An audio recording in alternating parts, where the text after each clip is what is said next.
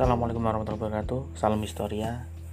Selamat datang di pelajaran sejarah peminatan kelas 12 ya. Kemudian selamat datang juga di podcast uh, Senang Sejarah ID Oke mungkin pertama kalinya ya Menggunakan podcast di kelas 12 ini buat kalian. Oke aplikasi yang Paulin pakai ini Pakai aplikasi Anchor A N C H O R. Kalian bisa download di Playstore dan apabila kalian membuat rekaman seperti ini uh, bisa kalian buka di macam-macam platform. Oke, bisa buka pakai Anchor, Spotify, Breaker, Google Podcast dan yang lainnya. Dan model seperti ini biasanya sering disebut dengan podcast ya. Hampir sama kayak radio bedanya apa? Kalau podcast bisa uh, offline maupun online didengarkannya dan temanya juga macam-macam uh, tergantung uh, apa yang kita mau. Oke kalau yang ini kan temanya pendidikan.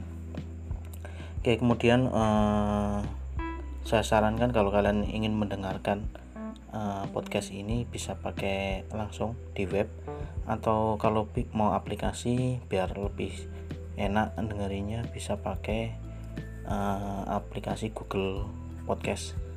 Itu uh, memorinya kecil. Kalau mau pakai web uh, saya sarankan pakai Google Chrome. Uh, karena karena pakai Firefox uh, agak kesulitan kayaknya. Oke ini materi yang ketiga ya. Kalau kalian lihat di Google Classroom agak ketiga. Oke yang kedua kemarin minggu lalu bentuknya PPT ya PPT kemudian saya PDF kan. Udah kalian baca? Masih ingat judulnya apa? Di semester ini kita ada beberapa bab ya. Ada tiga atau empat bab ya. Tiga bab. Mm -mm. oke yang bab pertama kita adalah uh, respon internasional terhadap proklamasi kemerdekaan Indonesia jadi bagaimanakah respon dunia internasional uh, ketika kita baru merdeka? Baik dari beberapa negara, negara kemudian dari Belanda sendiri. Negara yang dulu pernah menjajah kita dan ternyata mau atau mau atau ingin berusaha kembali uh, menjajah Indonesia.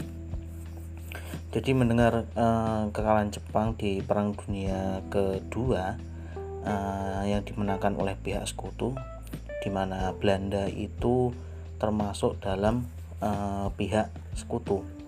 Jadi di Perang Dunia Kedua Belanda itu termasuk yang pihak yang yang menang. Oleh karena itu Belanda mengklaim kalau wilayah uh, jajahan Jepang itu uh, diserahkan ke pihak yang pemenang. Yang dalam hal ini adalah sekutu. Yang di mana Belanda uh, salah satu dari sekutu ingin kembali lagi ke Indonesia untuk berkuasa. Kayak akan tetapi uh, ketika Jepang menyerah terjadi kekosongan uh, kekuasaan yang di di Indonesia. Ya, hal ini dimanfaatkan oleh uh, pejuang Indonesia untuk uh, memerdekakan diri yang um, sempat di Eh, dahului dengan peristiwa Rengas Dengklok, kemudian peristiwa penyusunan teks proklamasi di rumah Laksamana Maeda sampai akhirnya terlaksananya proklamasi kemerdekaan Indonesia di rumah Bung Karno di Jalan Pegangsaan Timur nomor 56 Jakarta. Di sinilah eh, hal yang Belanda mengklaim tidak menerimanya, tidak mengakuinya. Kenapa? karena menurut Belanda uh, wilayah jajahan Jepang yang pihak yang kalah dalam Perang Dunia Kedua harusnya menjadi uh, wilayahnya sekutu, wilayahnya Belanda. Makanya uh, melihat Indonesia melakukan proklamasi kemerdekaan, uh, mereka nggak terima. Mereka berusaha untuk uh, menjajah lagi. Hal itulah yang dilakukan oleh Belanda. Sampai akhirnya hmm, Belanda mendarat di berbagai wilayah di Indonesia membuat uh, uh, masyarakat Indonesia itu berjuang lagi bertempur sampai terjadilah beberapa peperangan. Perlawanan-perlawanan dari um, rakyat Indonesia. Kita bisa lihat seperti yang terjadi di Semarang di bulan Oktober tahun 1945 terjadilah perang lima hari di di Semarang. Ini adalah perang melawan uh, sorry kalau di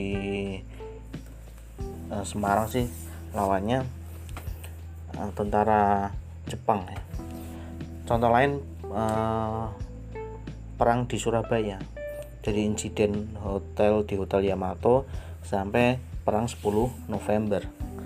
Ini juga perang melawan Belanda yang mana Belanda datang ke Indonesia itu melalui atau membonceng pasukan Nika Nica yang pasukan sekutu.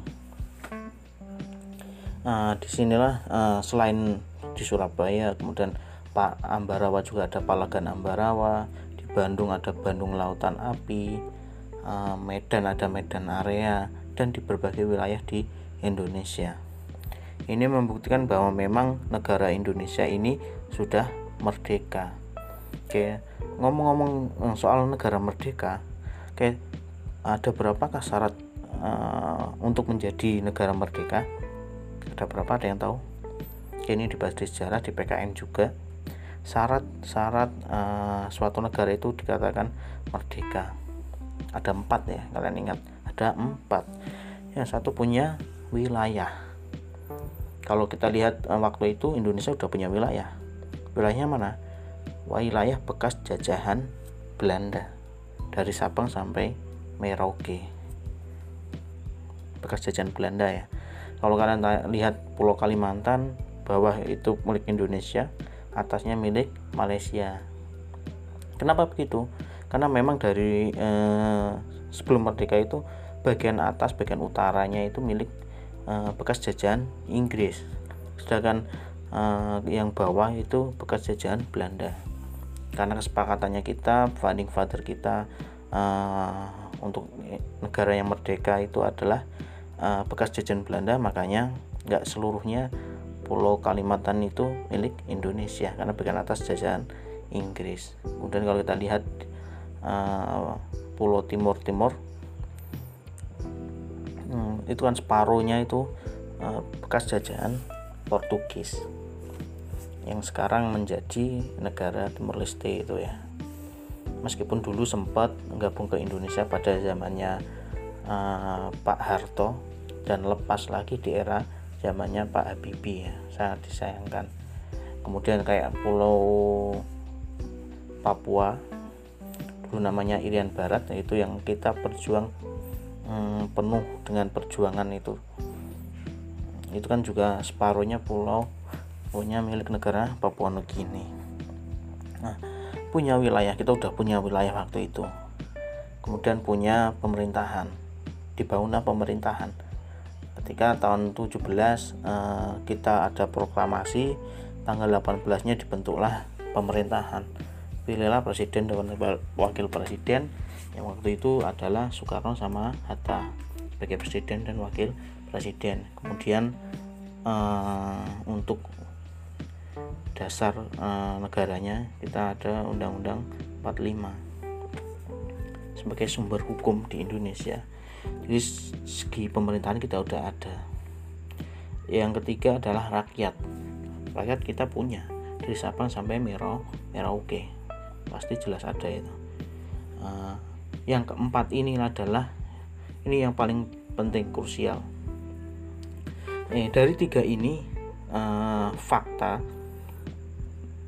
disebut ada, hmm, dari tiga syarat tadi disebut pengakuan secara de facto atau pengakuan secara uh, fakta. Negara itu berdaulat atau merdeka um, kalau telah memenuhi unsur-unsur seperti adanya pemerintahan rakyat dan wilayah. Disebutnya pengakuan secara de facto. Karena secara fakta yang ada uh, secara fakta udah udah terpenuhi. Tiga unsur ini udah terpenuhi. Ini namanya pengakuan secara de facto. Tapi unsur yang keempatnya belum. Unsur keempat adalah uh, pengakuan dari negara lain. Waktu tahun 1945 kita belum ada yang mengakui meskipun sebelumnya di era Jepang kita sudah dapat dukungan dari Palestina Palestina tapi tahun 45 itu kita secara resmi belum ada negara yang yang uh, mengakui kemerdekaan Indonesia. Dan untuk mendapatkan pengakuan negara lain itu memang cukup uh, sulit ya. Perlu perjuangan yang luar biasa. Perlu uh, kita menjalin hubungan baik dengan suatu negara agar negara itu uh, mau mengakui kemerdekaan kita. Selain itu juga secara ekonomi dan militer uh, secara segi tentara pun juga kita harus um, tampil kuat eksis begitu.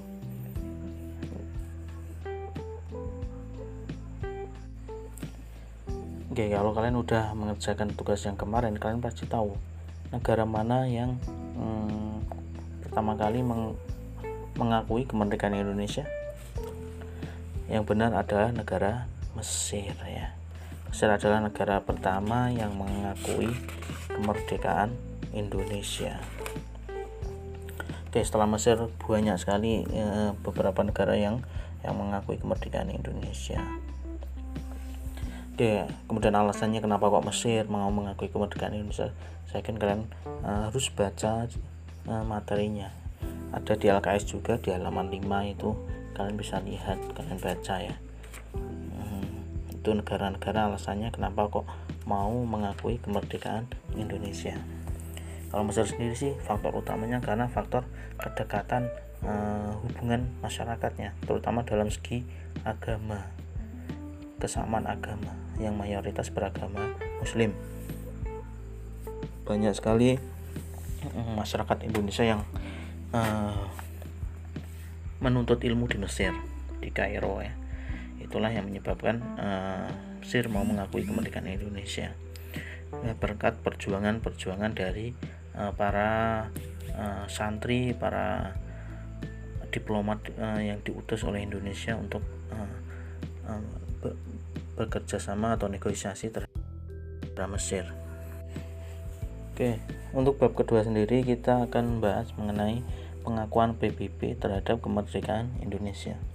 Oke, kalian bisa materi baca materi lengkapnya ada di halaman 8 hmm, halaman 8 sampai 11 nanti ya. Kalian bisa baca untuk detailnya. Oke, silahkan gunakan juga selain LKS modul, kalian bisa gunakan juga buku paket saya mohon itu juga dibaca untuk referensi uh, materi kita oke untuk uh, pengakuan PBB sendiri ada dua dua topik ya. Yang pertama adalah peran diplomat. Hmm, jadi PBB itu nggak tiba-tiba mau mengakui ke, ke kemerdekaan Indonesia. Mereka ada yang bujuk. Uh, yang bujuk ini adalah tugas diplomat Indonesia. Oke poin yang kedua adalah uh, peran PBB dalam memperjuangkan kedaulatan Indonesia nanti. Kita bahas dulu yang pertama, uh, bagaimana peran diplomat. Diplomat ini adalah seorang pelopor uh, diplomasi yang menjalin hubungan baik, mencari dukungan. Secara uh, secara um, tanpa melalui pertempuran ya, cara damai kerjasama seperti itu. Ya tokohnya siapa saja? Kalian bisa lihat juga di PDF yang ada di yang udah pernah di share toh di classroom ada di materi 2 ya.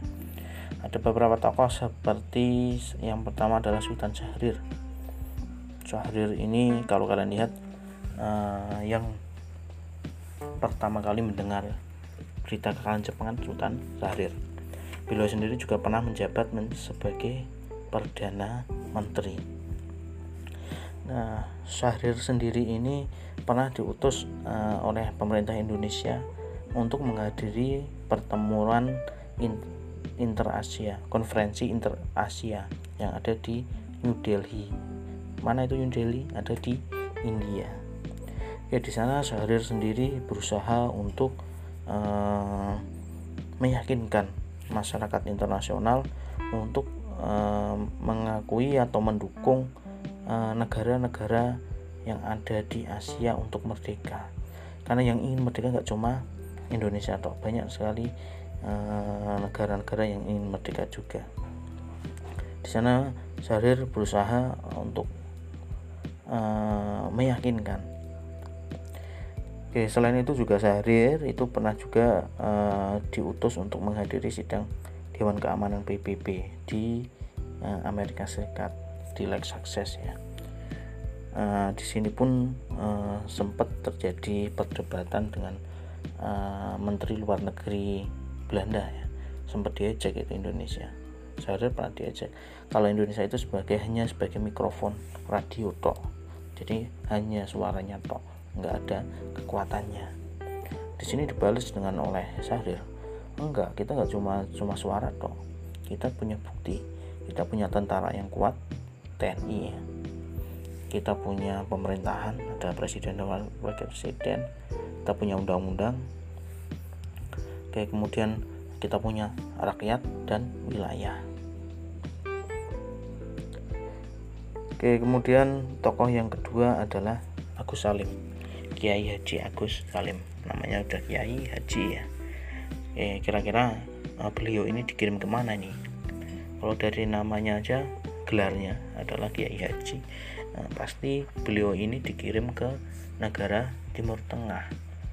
Itu target utamanya. Kayak Mesir, uh, Palestina, kemudian Lebanon, Suriah. Tujuannya adalah uh, uh, yang dikirim adalah Kiai Haji Agus Salim.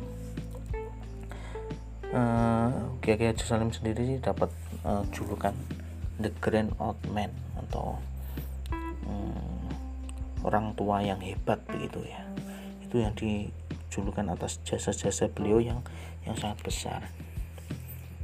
Kenapa? Karena memang um, beliau ini pernah dikirim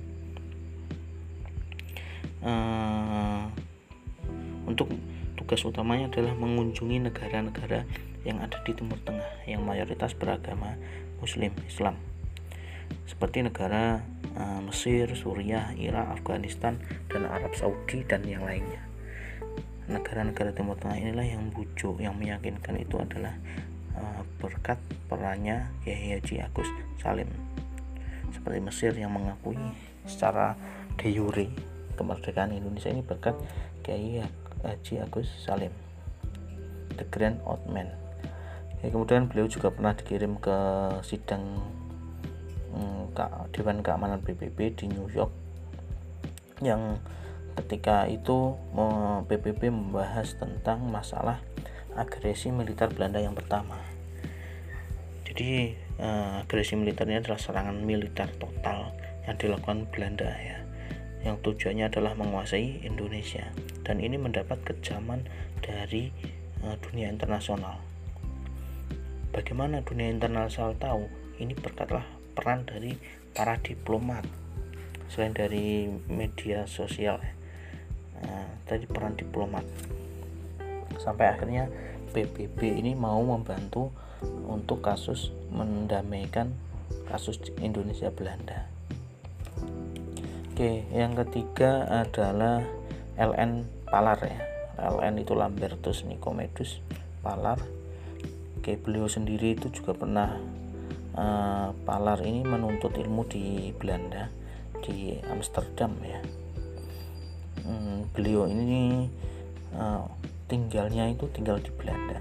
Oke, tetapi akhirnya um, beliau milih balik ke Indonesia saat terjadi agresi militer Belanda satu tahun 1947 akhirnya belum pulang uh, ingin membantu kemerdekaan Indonesia berkat ilmu yang um, beliau miliki.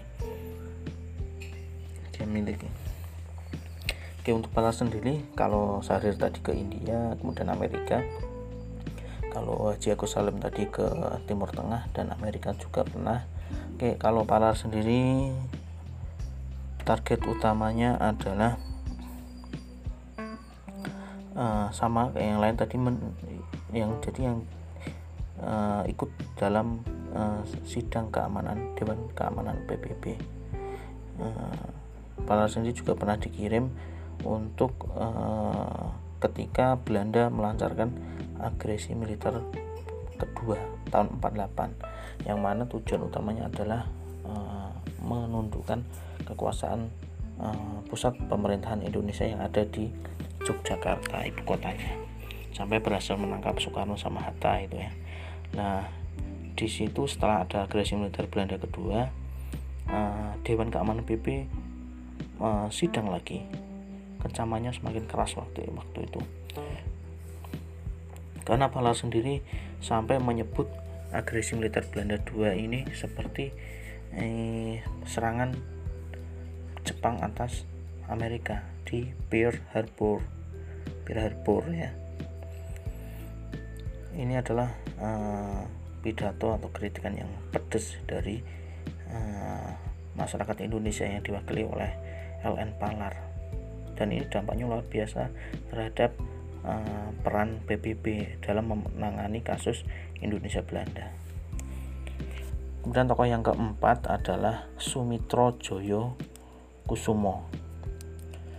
Uh, Sumitro sendiri sih uh, dia bersama-sama Syahrir, Agus Salim dan Daris Tambu uh, berjuang agar masalah konflik Indonesia Belanda ini dapat perhatian PBB.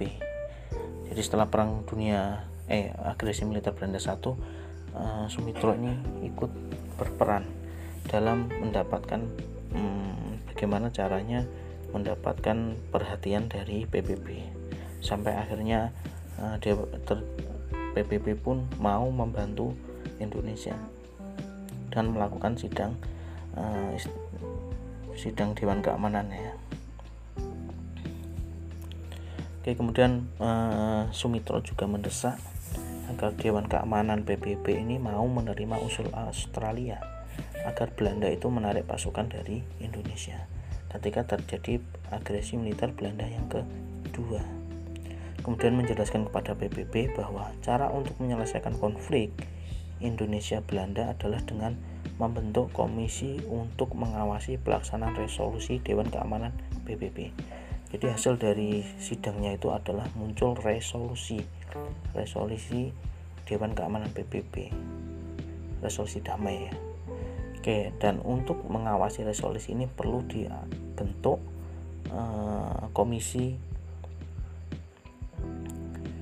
komisi atau badan pengawas yang disebut adalah Eh, Komisi Tiga Negara KTN ya. Komisi Tiga Negara yang akan kita bahas nanti selanjutnya. Oke, kemudian yang itu adalah tokoh yang keempat ya dan yang terakhir yang akan kita bahas di pertemuan kali ini. Oke, yang kedua kita ke topik setelah tokoh-tokoh tadi empat tokoh ini mungkin uh, ada banyak tokoh yang lain. Uh, bisa nanti kalian baca cari referensinya.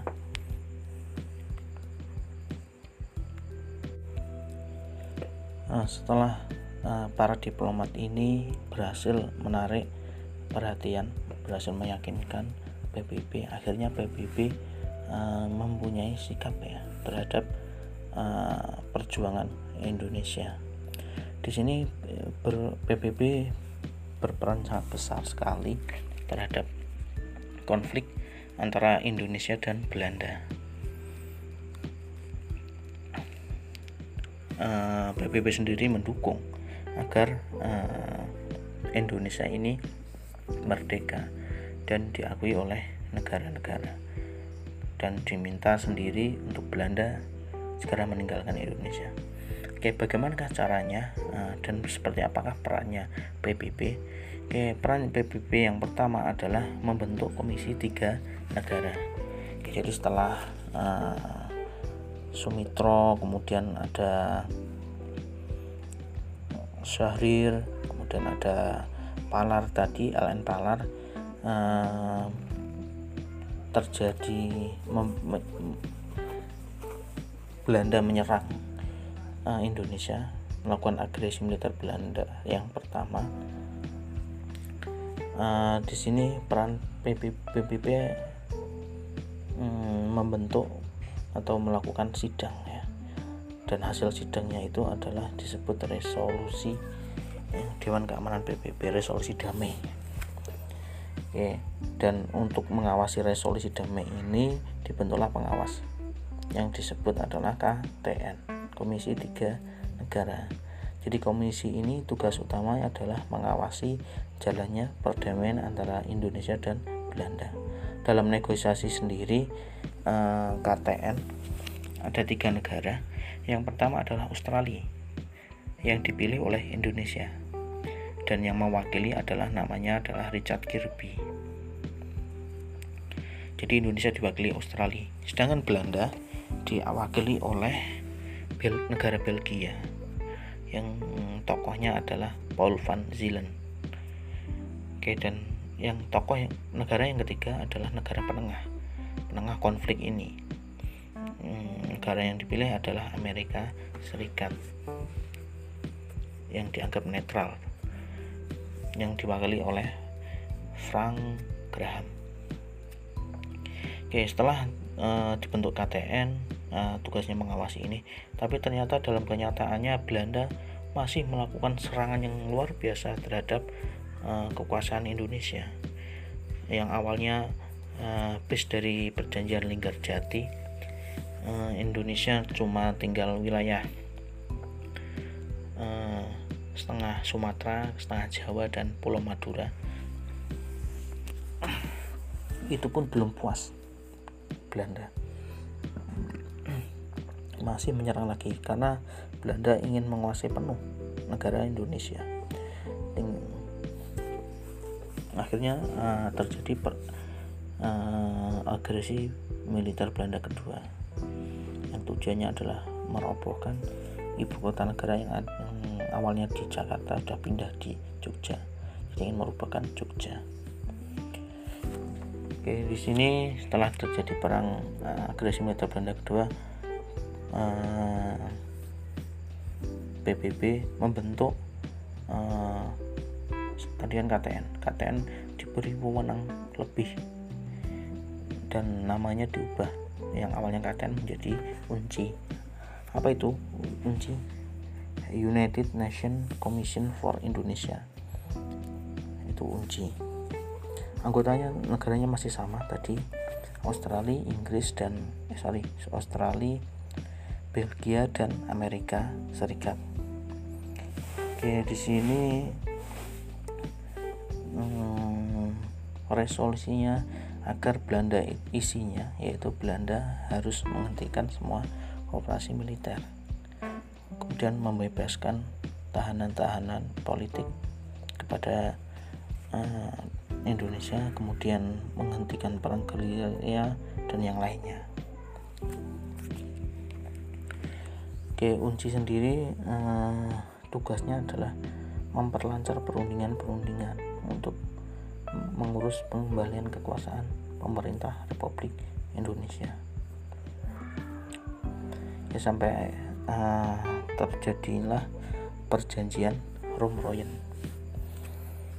Jadi setelah berunci terbentuklah perjanjian Romroyen Kenapa Romloyen?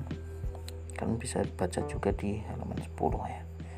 Karena Rom itu diambil dari tokoh dari dari Mr. Muhammad Rom, wakil dari Indonesia. Kemudian Royen itu adalah delegasi Belanda, yaitu Dr. Van Royen. Nama kesepakatannya menjadi Van Rom Royen Statement. Yang intinya sih begini Soekarno sama Hatta akan dikembalikan lagi ke Jogja yang awalnya ditahan presiden dan wakil presiden uh, dikembalikan ke Jogja. Kemudian mengadakan uh, tembak menembak dihentikan kemudian akan dilaksanakan konferensi meja bundar. Antara uh, Indonesia dan Belanda ya kemudian mm, menghentikan militer menyetujuinya kembalinya pemerintah Indonesia ke Jogja Belanda pun berusaha menyelenggarakan konferensi meja bundar. Jadi dalam perjanjian Romloyon ini uh, keputusan finalnya akan diselenggarakan konferensi meja bundar. Oke, sampai akhirnya hmm, Indonesia nanti ke depannya bergabung dengan PBB karena PBB berperan penting terhadap kemerdekaan Indonesia. Dan memang tugas sudah menjadi tugas dan tanggung jawab Indonesia seperti yang ada di pembukaan undang-undang ikut menjaga ketertiban dunia. Salah satu caranya yaitu menggabung bergabung dengan PBB oke untuk uh, selanjutnya pertemuan yang akan datang kita akan bahas tentang